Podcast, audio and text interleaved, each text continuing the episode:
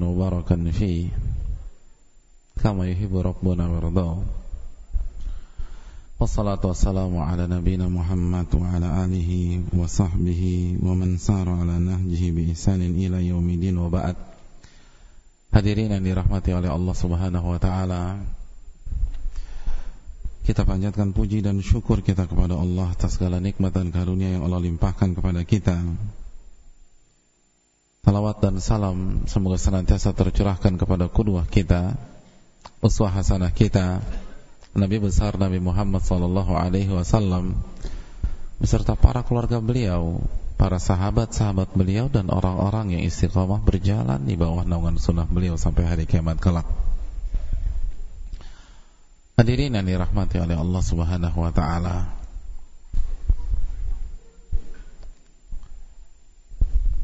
Malam ini kita akan berbicara tentang tamu yang sudah kita nanti. Tamu yang sudah kita tunggu-tunggu. Tamu yang mulia. Tamu yang kedatangannya selalu diiringi dengan ampunan dari Allah Subhanahu wa taala. Tamu yang identik dengan rahmat bahkan bukan hanya identik. Memang ia membawa rahmat Allah subhanahu wa ta'ala. Coba kita ingat-ingat kira-kira siapa yang mau datang ke dalam kehidupan dan rumah kita? Merasa punya tamu nggak hadirin? Siapa? Pak siapa? Pak Ramadan? Kok Pak Ramadan Ramadan. Nggak pakai pak.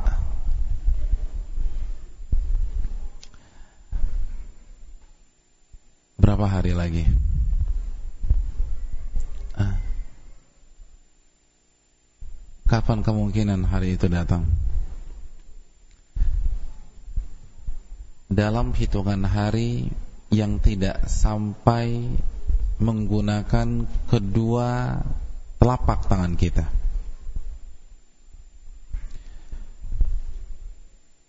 hanya dalam hitungan hari. Bahkan mungkin kita sudah bisa bilang hanya dalam hitungan jam. Tamu itu akan datang.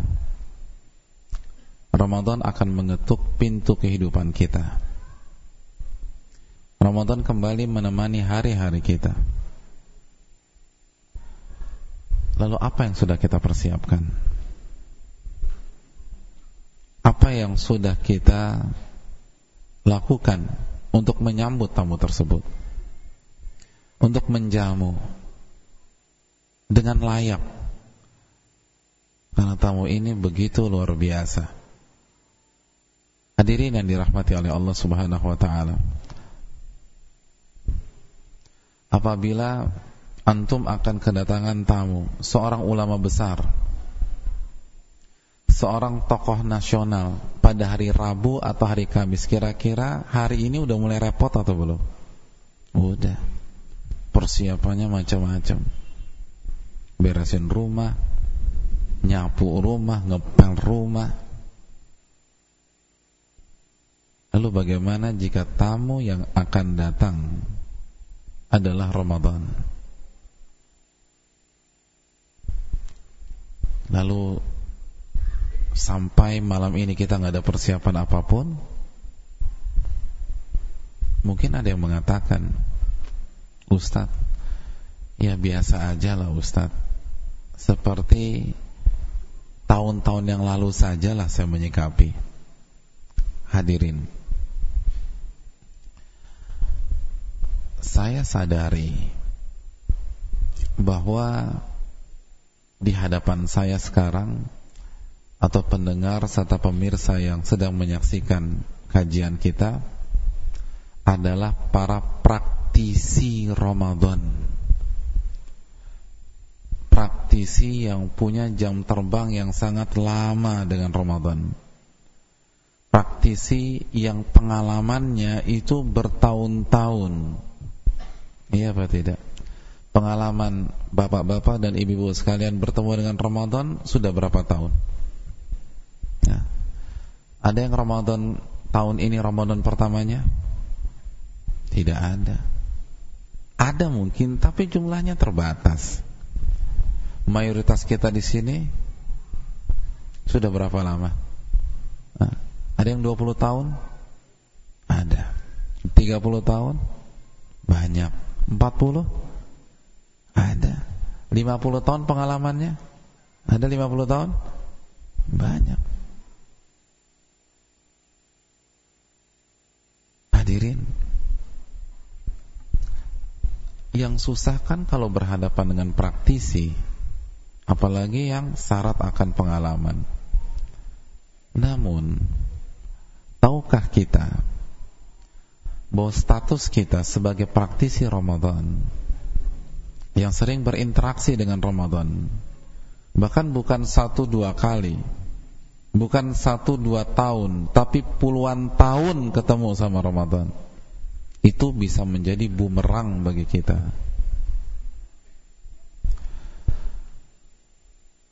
Sebuah kaidah di dunia para ulama. Kathratul misas tumitul ihsas. Sering dan banyaknya sering dan banyaknya berinteraksi itu bisa mematikan sensitivitas.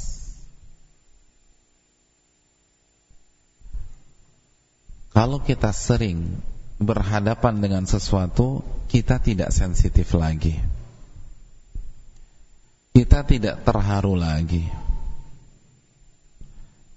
Bahkan bisa jadi mati rasa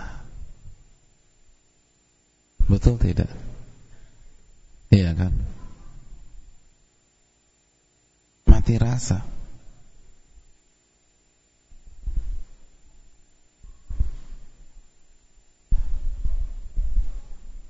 Antum berada di tempat pembuangan sampah. Mungkin detik pertama, detik kedua, detik ketiga antum tutup hidung. Tapi kalau udah 15 menit, itu penutup hidung udah bisa dibuka. Setengah jam satu jam dua jam sudah menikmati.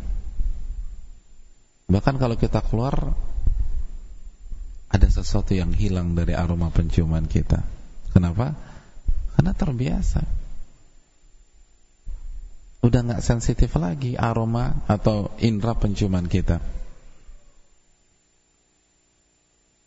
Saya ingin tanya sama hadirin Ada nggak yang begitu pulang dari masjid Itu disambut istrinya di pagar rumahnya Lalu dipeluk sama istrinya Terus sama istri bilang Bi aku kangen banget sama kamu Ada yang seperti itu? Nah, kalau pulang salat duhur begitu? Pulang salat asar? Enggak Kenapa? Kan setengah jam yang lalu baru ketemu.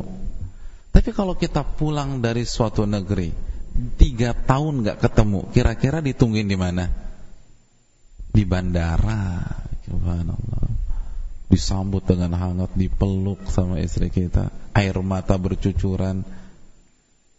Dia tumpahkan rasa rindu dia kepada kita. Kenapa? Karena udah lama nggak ketemu.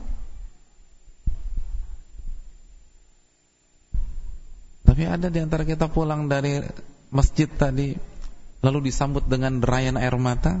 Enggak ada, kecuali kontrakan belum bayar kan begitu ya. Ditagi debt collector tadi, subhanallah. Nah, hadirin yang dirahmati oleh Allah Subhanahu wa taala, ini kaidah kehidupan. Dan yang ditakutkan, kaidah ini berlaku di dalam ibadah kita berlaku di bulan Ramadan. Itu fatal hadirin. Yang pernah haji atau umrah. Coba lihat deh. Pertama kali injak Masjidil Haram. Lihat ini saya ingin menjelaskan betapa bahayanya kaidah ini kalau terjadi dalam ibadah. Pertama kali umrah atau haji masuk Masjidil Haram melihat Ka'bah pertama kali kira-kira apa yang dilakukan? Hah? Melihat Ka'bah pertama kali dengan mata sendiri, apa yang dilakukan? Nangis. Itu mau perempuan, mau laki-laki, mau jenggotnya segini, nangis hadirin. Kalau masih punya iman. Nangis. Paling enggak mata berkaca-kaca. Terharu itu biasanya manasik di tanah air udah lupa blank blank spot di sana kenapa? Terharu. Dan terkadang ada sebagian jamaah tuh nggak mau pulang ke hotel. Pak pulang pak. Nanti saya mau nginep sini aja. Tidur tuh masih di Haram ngapain? Mandangin Ka'bah. Dari banyak sisi tawaf gitu tawaf tujuh kali sholat. Tawaf lagi sholat. Masya Allah. Hari pertama hari kedua masih tawaf. Tapi udah mau pulang ke hotel. Hari ketiga hari keempat udah mulai berimbang tuh. Waktu di hotel sama waktu di masjid. Hari ketujuh hari kedelapan itu tawafnya pindah biasanya. Kalau nggak di Pasar Seng, Zam-Zam Tower atau di Hilton, Home Surreal, Home Surreal. Pak, 10 menit lagi mau zuhur nih Pak, nanti dulu. Anak saya belum dapat oleh-olehnya, nyari lagi. Loh, apa yang berbeda? Kenapa? Hari pertama nggak mau pulang dari masjid, hari ketujuh susah banget diajak ke masjid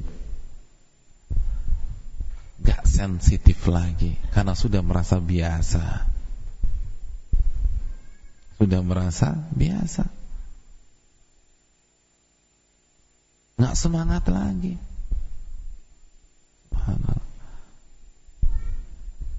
Gak berusaha lagi. Ah, tiap hari juga ketemu sama di masjid. Udah biasa. Nah, yang fatal itu kan perasaan ini muncul ketika Ramadan. Dan pada saat kita bertemu dengan Ramadan, oh bahaya. Karena merasa sudah ketemu bertahun-tahun, biasa aja. Susah. Makanya dalam masalah begini, mendingan kita nasehatin mu'alaf yang minggu lalu baru masuk Islam. Oh itu kalau masuk Ramadan tahun ini luar biasa. Tapi yang udah merasa pengalaman, udah ngeremehin. Nah tahun lalu juga biasa Pak Ustadz Jangan terlalu didramatisir lah. Oh, subhanallah. Jangan terlalu didramatisir. Hadirin. Ini yang bisa menjadi bumerang bagi kita. Ditambah lagi sebagian umat Islam itu hanya membahas Ramadan dari satu sisi kalau kita dengar kata bulan Ramadan yang terbesit di benak kita apa sih? Bulan ampunan kan gitu ya. Bulan yang penuh dengan rahmat. Bulan yang penuh dengan keberkahan. Tapi tahukah kita bahwa Ramadan bisa menjadi mimpi buruk bagi kita pada hari kiamat. Nabi sallallahu alaihi wasallam bersabda, dalam hadis riwayat Imam Muslim ragima anfu rajulin celaka seseorang subhanallah. Ini mengejutkan. Jarang sekali Nabi memfonis orang celaka loh. Subhanallah. Luar biasa.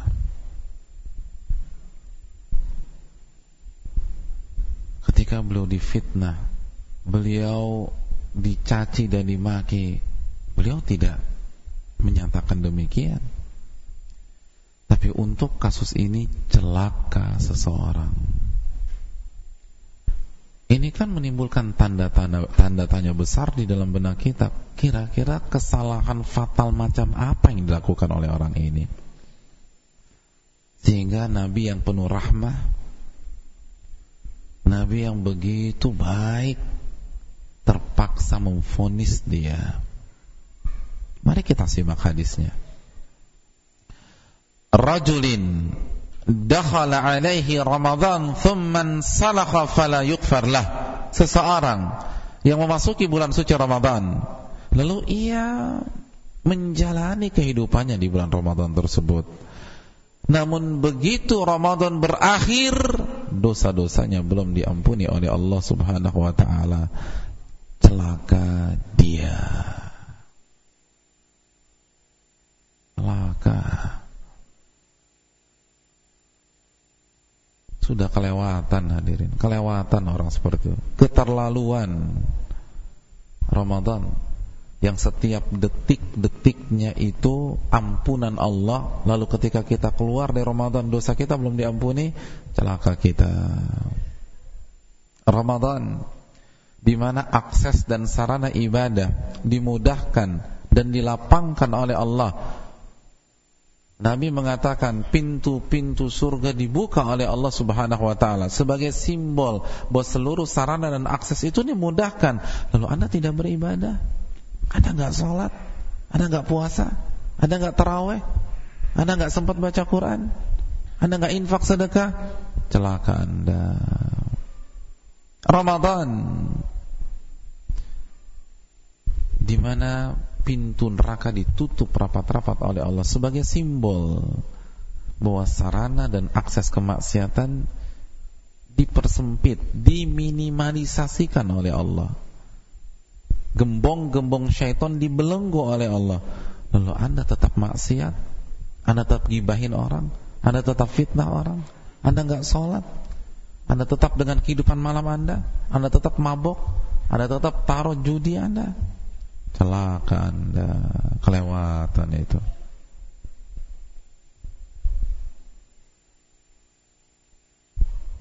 Di bulan lain Nabi nggak pernah bilang begitu loh. Ramadan. Ini yang dilupakan oleh banyak di antara kita. Banyak orang kita itu ketika masuk Ramadan kan nothing tulus. Kayak nggak ada beban. Artinya kalau saya beribadah pahala, kalau enggak pun juga enggak masalah lah. Kosong-kosong, enggak. Jika kita tidak memas tidak memanfaatkan Ramadan yang akan datang sebentar lagi, habis kita pada hari kiamat. Celaka kita. Ini yang perlu kita camkan. Ini yang perlu kita renungkan. Oleh karena itu masih ada beberapa hari lagi. Apa yang harus kita lakukan agar Ramadan tahun ini benar-benar menjadi rahmat bagi kita. Benar-benar menjadi berkah untuk kita dan dosa-dosa kita diampuni oleh Allah Subhanahu wa taala. Apa yang harus kita lakukan? Saya tidak akan membahas hukum fikih puasa Ramadan karena saya rasa sudah sering dibahas dan mungkin ada ustadz-ustadz lain yang membahasnya. Namun kita pada kesempatan kali ini akan berbicara tentang apa yang harus kita lakukan dalam menyambut Ramadan. Yang pertama, yang pertama,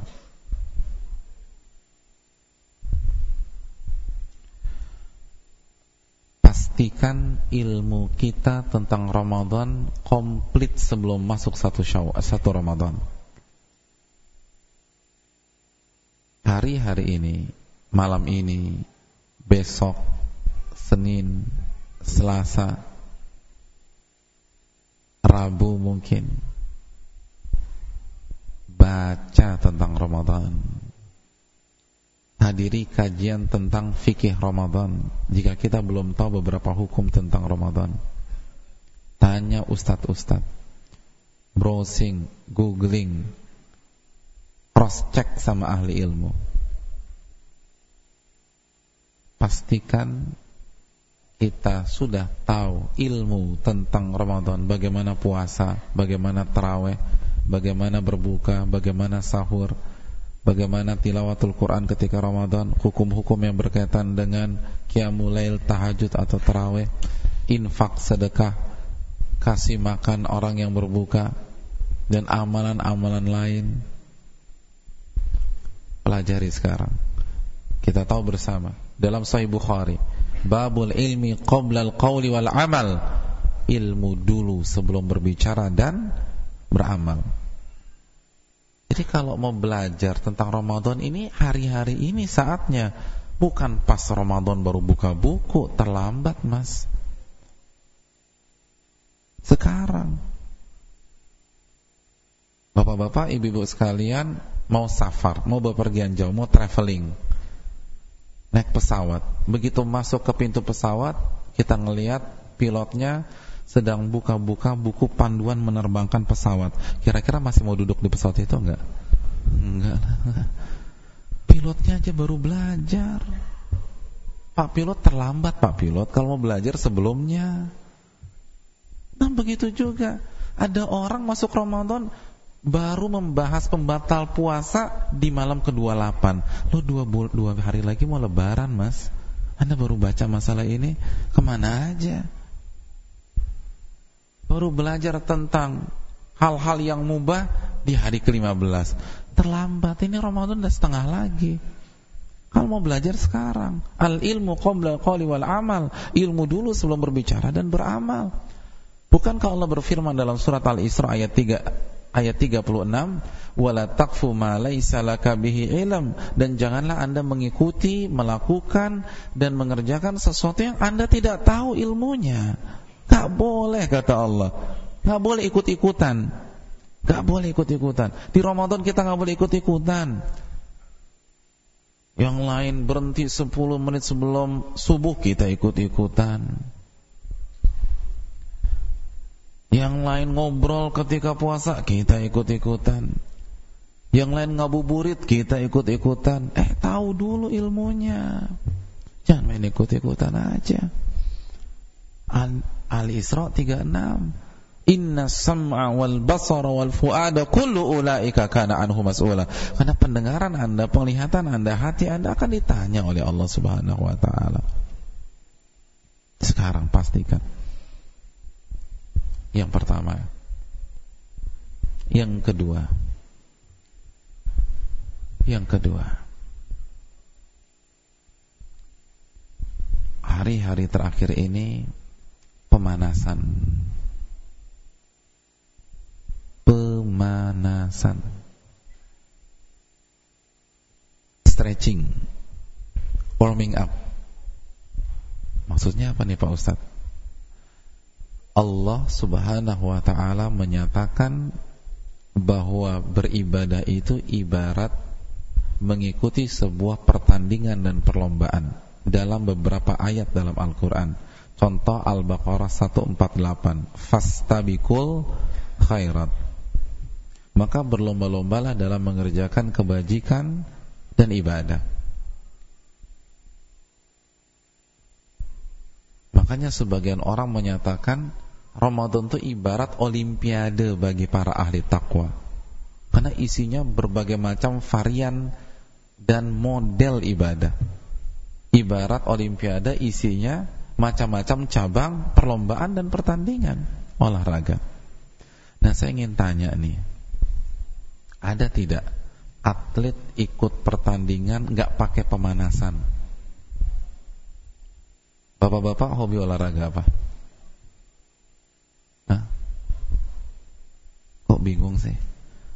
Kalau ditanya ayat bingung wajar. Ini ditanya hobi olahraga. Hobi olahraga apa? Gak punya hobi olahraga? Gak pernah olahraga seumur hidup? Hah? Futsal, Masya Allah, bola ya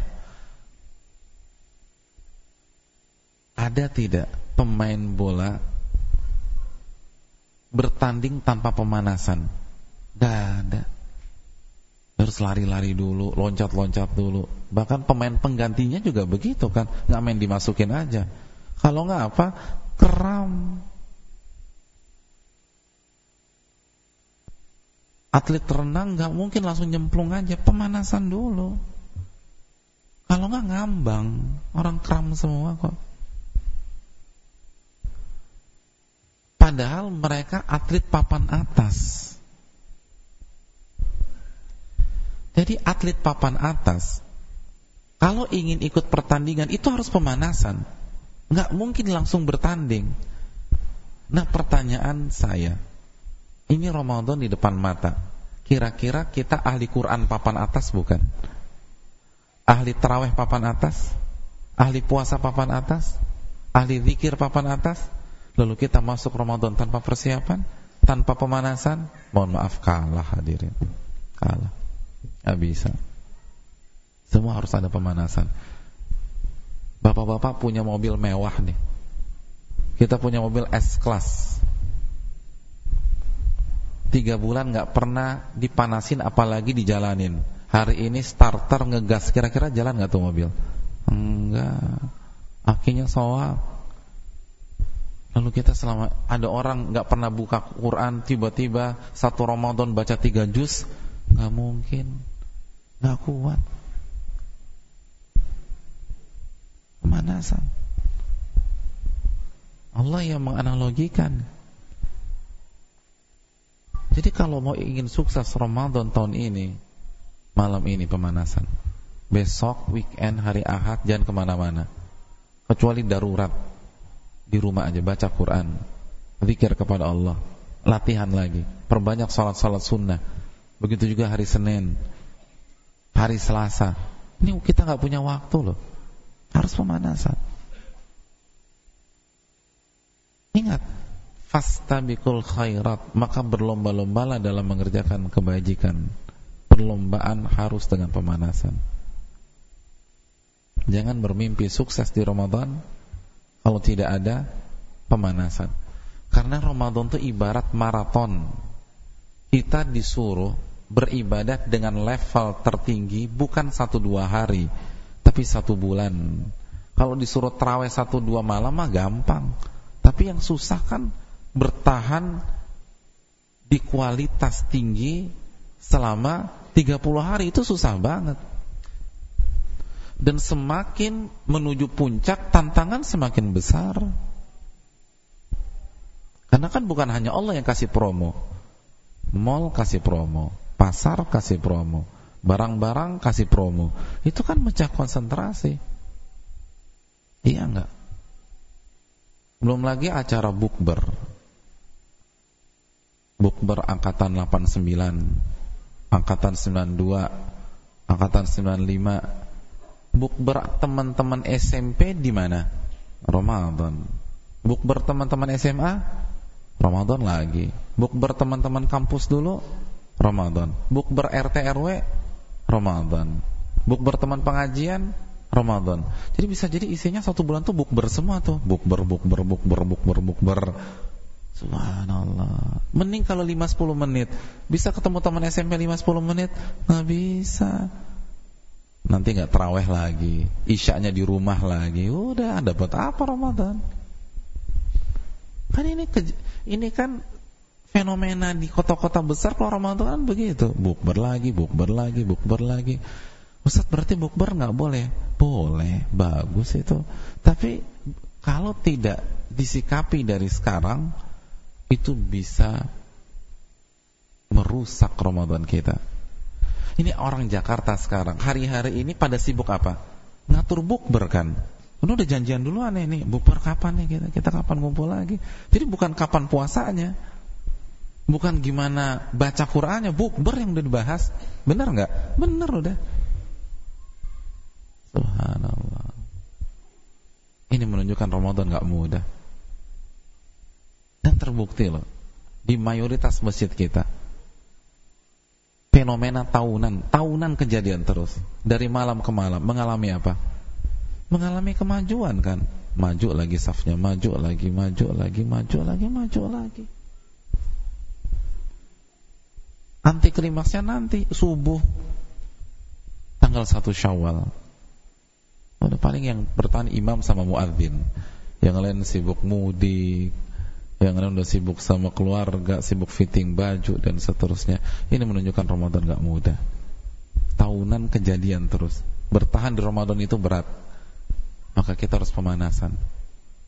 Itu yang kedua. Sudah masuk waktu adzan?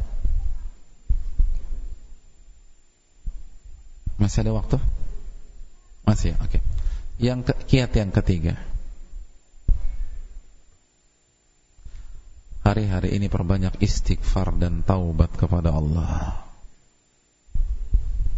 Perbanyak istighfar dan taubat. Ini adalah nasihat Syekh Ibrahim Ruhaili, pengisi tetap di Masjid Nabawi dan para ulama yang lain. Ustaz, saya kan mau ketemu Ramadan. Bukan mau ketemu kemaksiatan. Kenapa disuruh istighfar dan taubat? Oh, di situ intinya. Hadirin. Bukankah yang membuat kita malas ibadah? Yang membuat kita lemes ketika beramal soleh? Nggak kuat ketika terawih? Bahkan sering lepas sholat-sholat wajibnya. Karena keberatan dosa. Karena dosanya keberatan jadi lemas. Ibarat ikut sholat taraweh bawa ransel bebannya 20 kilo. Itu nggak kuat. Allah berfirman dalam surat Al-Mutaffifin ayat 14 Kalla bal rana ala qulubihim ma kanu yaksibun. Sekali-kali tidak. Hati mereka itu dikotori Dosa-dosa yang mereka lakukan. Sehingga mereka nggak beriman. Sehingga mereka nggak beribadah. Sehingga mereka tidak beramal soleh. Itu yang buat kita nggak beramal soleh itu dosa. Karena hati kita kotor dengan apa? Dosa. Saya ingin tanya, ada anak muda dugem pulang jam 2 kira-kira subuhnya di masjid nggak? Nggak ada cerita. Nggak ada. Tapi kalau ada seseorang rapat bicarakan dakwah. Mempersiapkan tab tablik akbar besok. Niatnya ikhlas. Sampai jam 2 kira-kira subuh udah nongol di masjid? Udah tuh. Udah. Jadi intinya bukan dua, jam 2 nya intinya anda ngapain sampai jam 2 ketika anda beribadah insya Allah Allah bangunkan. Kan para ulama mengatakan Innal hasanatuna di ukhtaha ya ukhti ya ukht. Sesungguhnya amal ibadah itu manggil teman-temannya, eh sini nih orang baik nih gitu loh. Dan sebaliknya wa innal ma'siyata tunadi ukhtaha ya ukhti ya ukht. Dan sesungguhnya maksiat itu itu ngundang teman-temannya, eh sini nih orang berantakan nih, kita di sini aja. Nah celakanya kondisi seperti ini terjadi di Ramadan. Oh berat itu susah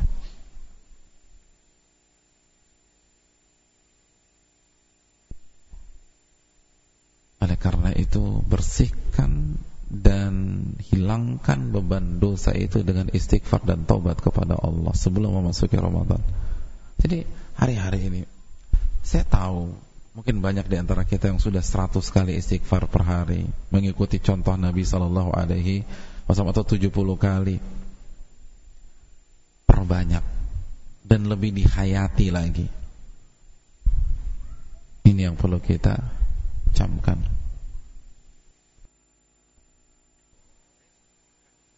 Hari-hari ini malam ini, besok, lusa tawakal kepada Allah Subhanahu wa taala. Jangan menatap Ramadan dengan merasa diri kuat Merasa diri hebat Jangan melangkah ke Ramadan dengan bertumpu di atas kedua kaki kita yang rapuh ini. Namun andalkan kekuatan Allah. Bergantunglah kepada Allah Syiar kita la haula wa la quwata illa billah.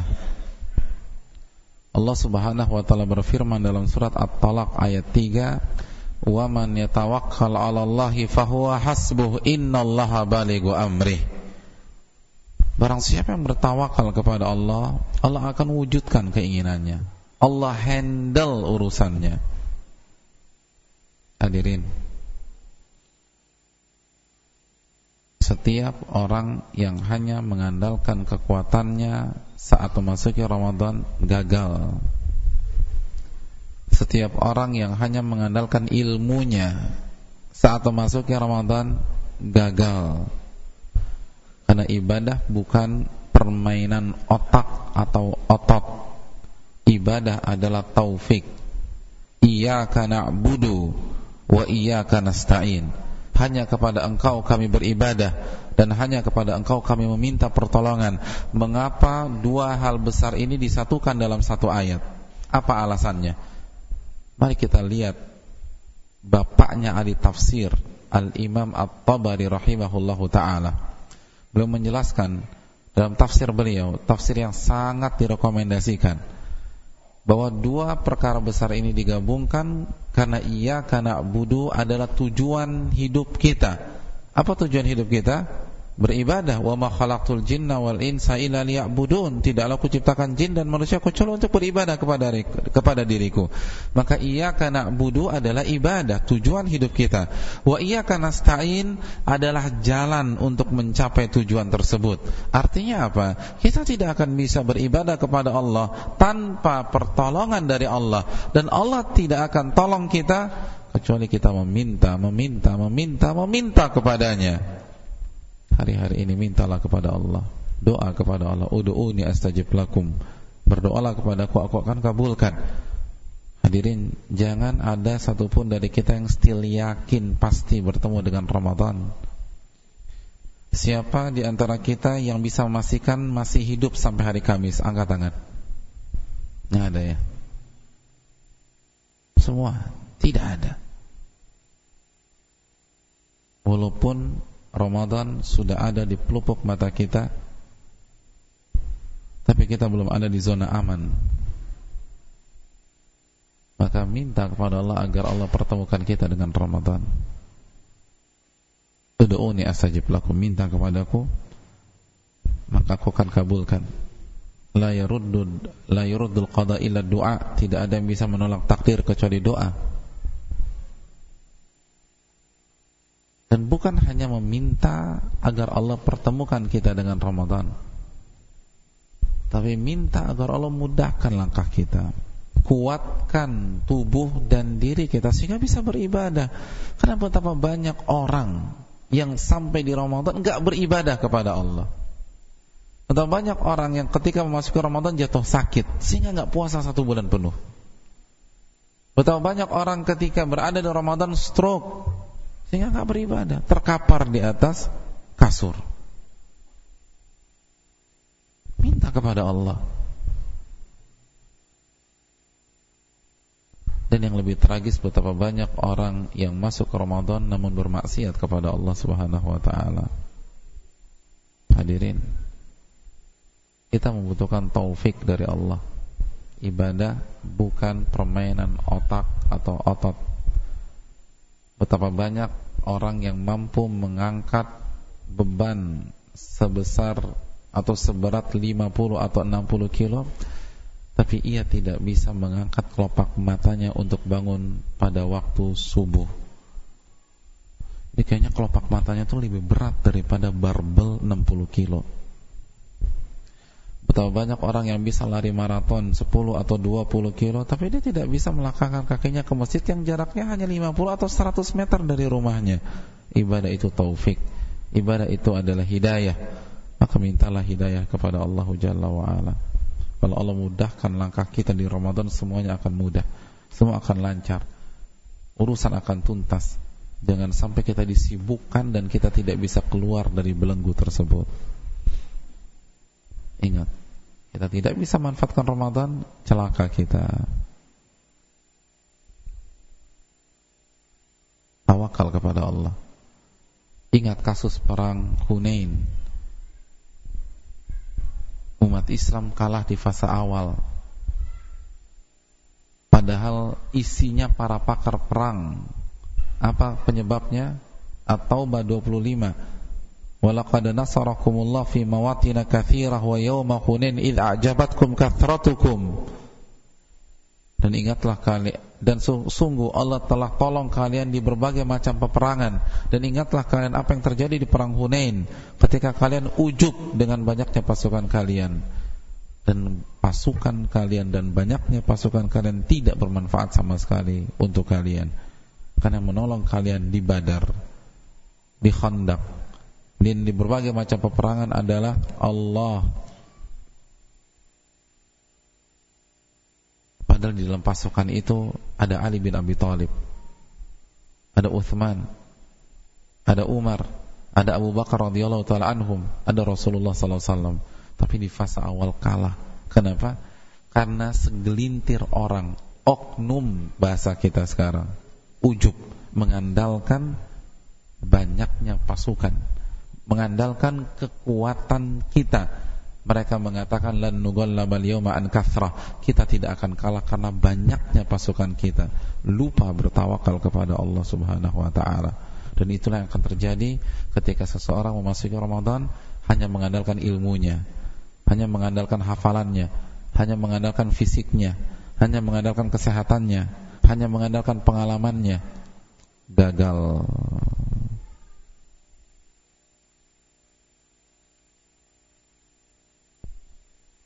PR yang terakhir untuk hari-hari ini.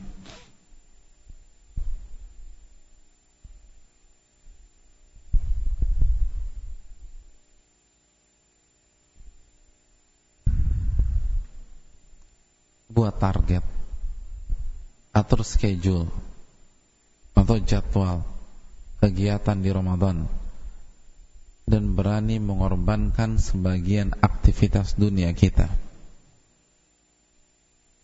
buat target hadirin. Karena kita kalau nggak pakai target itu suka-suka. Kita kalau tidak pakai target itu cenderung menggampangkan, cenderung menunda besok aja, besok masih lama Ramadan. Pasang target khataman kita, pokoknya Ramadan kali ini harus minimal misalnya nih sekali khatam. Setelah itu buat schedule. Sekali khatam berarti satu hari satu juz. Satu juz itu terdiri dari 10 lembar misalnya. Lalu kita bagi. Sebelum sahur satu lembar. Ba'da subuh dua lembar. Lalu nanti waktu duha jam 8 jam 9 dua lembar lagi. Udah lima sebelum dan sesudah zuhur biasanya kita makan siang ini bisa ambil dua lembar tujuh. Sebelum asar atau setelah asar satu lembar delapan. Maghrib isya selesai. Satu juz selesai. Sebentar. Asal ada schedule. Diatur. Tapi kalau antum ngerjainnya borongan berat. Sekali duduk sepuluh lembar tuh nggak mudah loh Apalagi kalau kita belum lancar membaca, belum fasih, dipotong-potong dong. Dan itu sampai isya selesai. Belum lagi kalau ditambah jam 10 malam, pas mulai banyak yang bisa kita lakukan. Asal buat schedule. Kalau nggak lewat. Begitu juga berapa hari kita mau bersedekah, itu untuk menstimulan kita. Men-trigger kita itu Misalnya sehari 50 ribu. Udah 50 ribu tuh harus hilang dari dompet tuh. Gak mau tahu mau kasih siapa harus hilang. Masukin kencelengan masjid. Kasih orang. Jadi kalau maghrib ketika Ternyata tuh duit masih ada Kita panik. Karena target kita belum tercapai. Kita akan nyari. Ada tukang bakso bang nih 50 ribu. Gitu. Ada hansip lewat 50 ribu pak ada siapa-siapa tetangga lagi nyiram tanaman 50 ribu nih pak. Gitu ada anak nyasar nih. Nek 50 ribu gitu nah ada siapa-siapa. Udah istri istri kita aja kasih 50 ribu. Pokoknya nih uang harus keluar aja 50 ribu. Anak kayak kasih pembantu kayak pokoknya nih harus keluar gitu loh. Ada target. Jadi semangat kita dan berani mengorbankan masalah dunia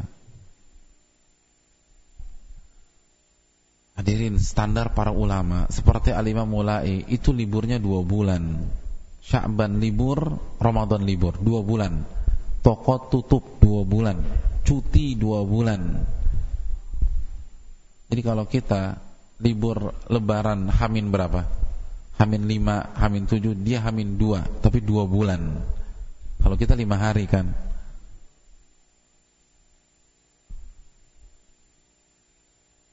Ustaz, tapi kan kondisi beda. Oke, kalau nggak bisa ambil cuti, semampunya deh, gitu loh.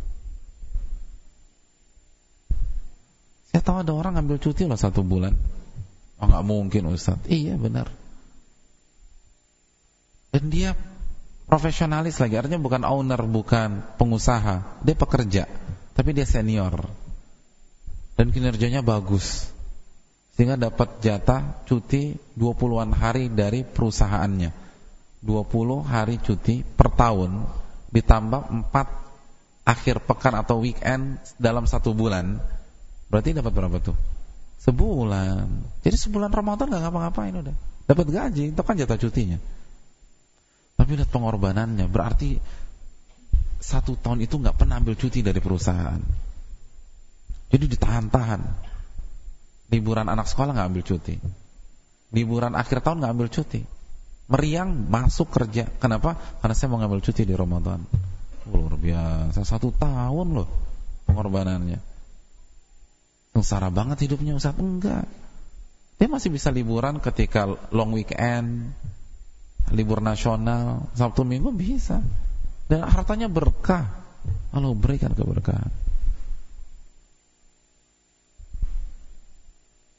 Saya tahu ada orang. Itu dia menengah ke bawah. Ke mana-mana mobilisasi naik motor. Tapi khusus Ramadan taksi sebulan penuh. Taksi. Pak nggak bangkrut pak.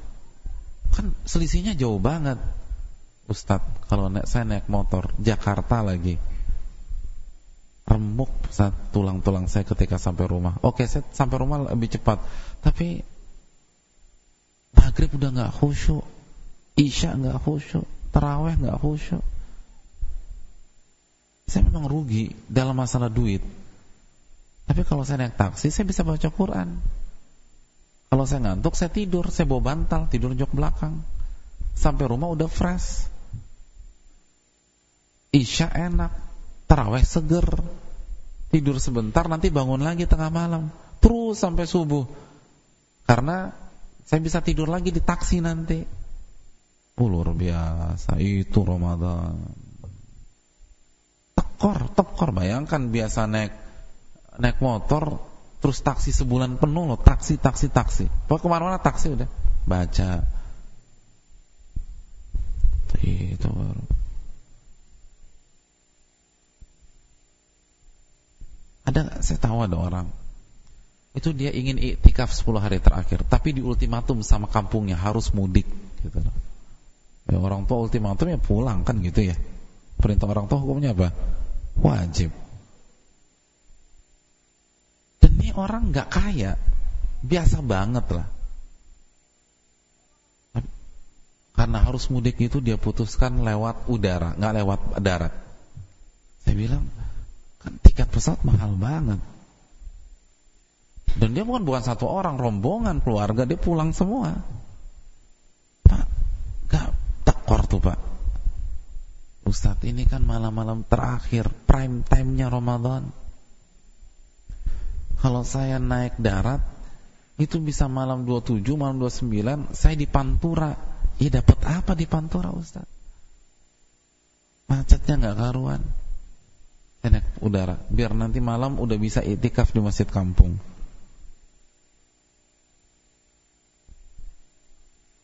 Eh pas mau beli tiket ekonomi kelas habis. Dia beli bisnis kelas. Oh, luar biasa. Bisnis kelas. Dia istri anak-anak bisnis kelas. Itu duitnya berapa tuh? Bagi dia tuh besar banget loh. Kita nggak bicara orang kaya deh. Bagi dia tuh besar banget. Tapi kenapa? Ramadan. Itu baru Ramadan banyak orang kan di Ramadan salah kaprah dalam memandang keberkahan Ramadan. Saya sering dengar orang Alhamdulillah Ustadz Ramadan kali ini berkah banget. Kenapa Pak? Masya Allah job banyak Pak Ustadz. Dagangan habis semua. Berapa kali khatam Pak? E, nggak ada sih Pak Ustadz. Terus terawih nggak? Ya kan nungguin dagangan. Subhanallah Gimana dikatakan berkah? Itu talbisu iblis Tipu daya iblis Yang halus Maksiat enggak Kita nggak katakan itu maksiat tapi salah satu tipu daya iblis adalah membuat kita sibuk dengan hal-hal mubah sehingga lupa beribadah kepada Allah Subhanahu wa taala. Jadi banyak orang nih itu melihat berkahnya Ramadan itu kalau banyak job. Omset naik itu berkah tuh. Subhanallah. Bal tu'thirunal hayatad dunya. Namun kalian lebih memprioritaskan dunia. Apakah menilai berkah atau tidaknya Ramadan dengan materi hadirin? Bukan, dengan ibadah. Berani. Para ulama tutup toko dua bulan, antum bayangin kerugiannya berapa? Tapi itu tidak sebanding dengan ibadah yang kita dapatkan di Ramadan.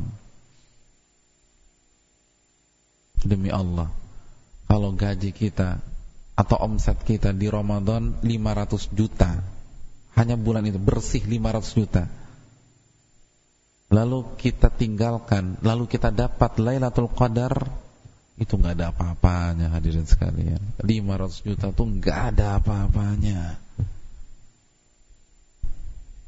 Dapat Lailatul Qadar lewat semuanya dan ingatlah janji Nabi, "Man taraka syai'an ittiqa'an lillah, awadallahu khairan min." Barang siapa yang meninggalkan sesuatu karena mencari ketakwaan kepada Allah, Allah ganti yang lebih baik. Hadirin, kita hilangkan dunia di bulan Sya'ban atau kita prioritaskan akhirat daripada dunia di bulan Sya'ban, itu diganti wah sama Allah. Kita korbankan sebagian dunia di bulan Rojab atau di bulan Rabiul Awal itu diganti sama Allah. Masa Ramadan nggak diganti? Ganti pasti diganti. Di bulan biasa aja diganti. Masa di Ramadan nggak diganti? Allah ganti dan Allah ganti lebih banyak lagi. Ayo, yakin nggak sama Allah percaya nggak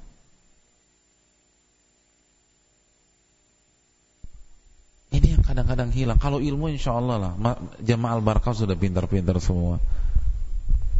Tapi bagaimana memanfaatkan Ramadan?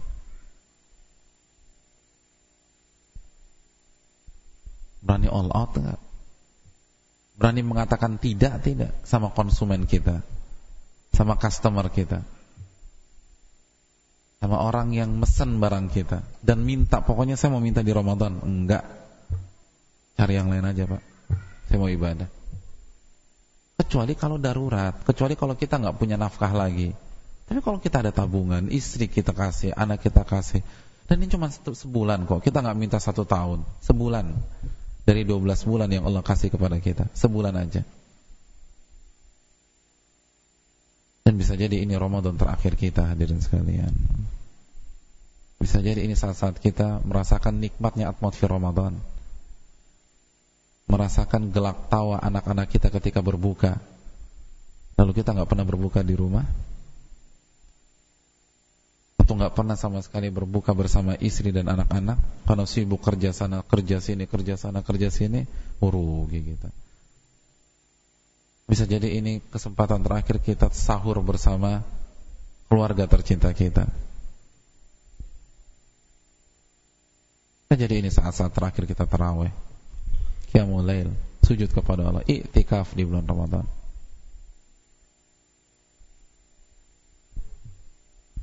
Di hadapan mata kita. Maka manfaatkan sebanyak-banyaknya. Dunia udah dijamin sama Allah. Kalau kita bertakwa, intinya kita bertakwa apa enggak? Waman yat waman yattaqillah yaj'al lahu makhraja wa yarzuqhu min haitsu la yahtasib. Barang siapa yang bertakwa kepada Allah, Allah akan berikan solusi dan Allah akan berikan rizki dari arah yang tidak ia duga-duga. Jadi kalau memang benar-benar kita korbankan sebagian dunia kita untuk bertakwa Ramadan, kan pasti Allah ganti. Dan ini kan bukan kita mengajarkan pola hidup malas-malasan, berpangku tangan, gak berikhtiar. Cuman sebulan kok. Dan itu pun kalau kalau kita bisa. Kalau nggak bisa banyak akal. Seperti tadi teman-teman kita yang lain. Pilih taksi lah, karena nggak bisa ambil cuti, taksi akhirnya. Sewa driver lah. Karena capek. Ada orang yang sewa ojek sebulan penuh, dia baca Quran sambil di motor. Semua banyak lah. Fattakullah masatatu. Bertakwalah kepada Allah semampu kalian.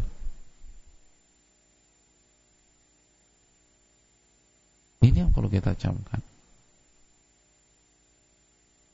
Ini yang perlu kita renungkan. Saya rasa cukup sampai di sini. Semoga bermanfaat. Ini ada pertanyaan, mungkin satu dua pertanyaan.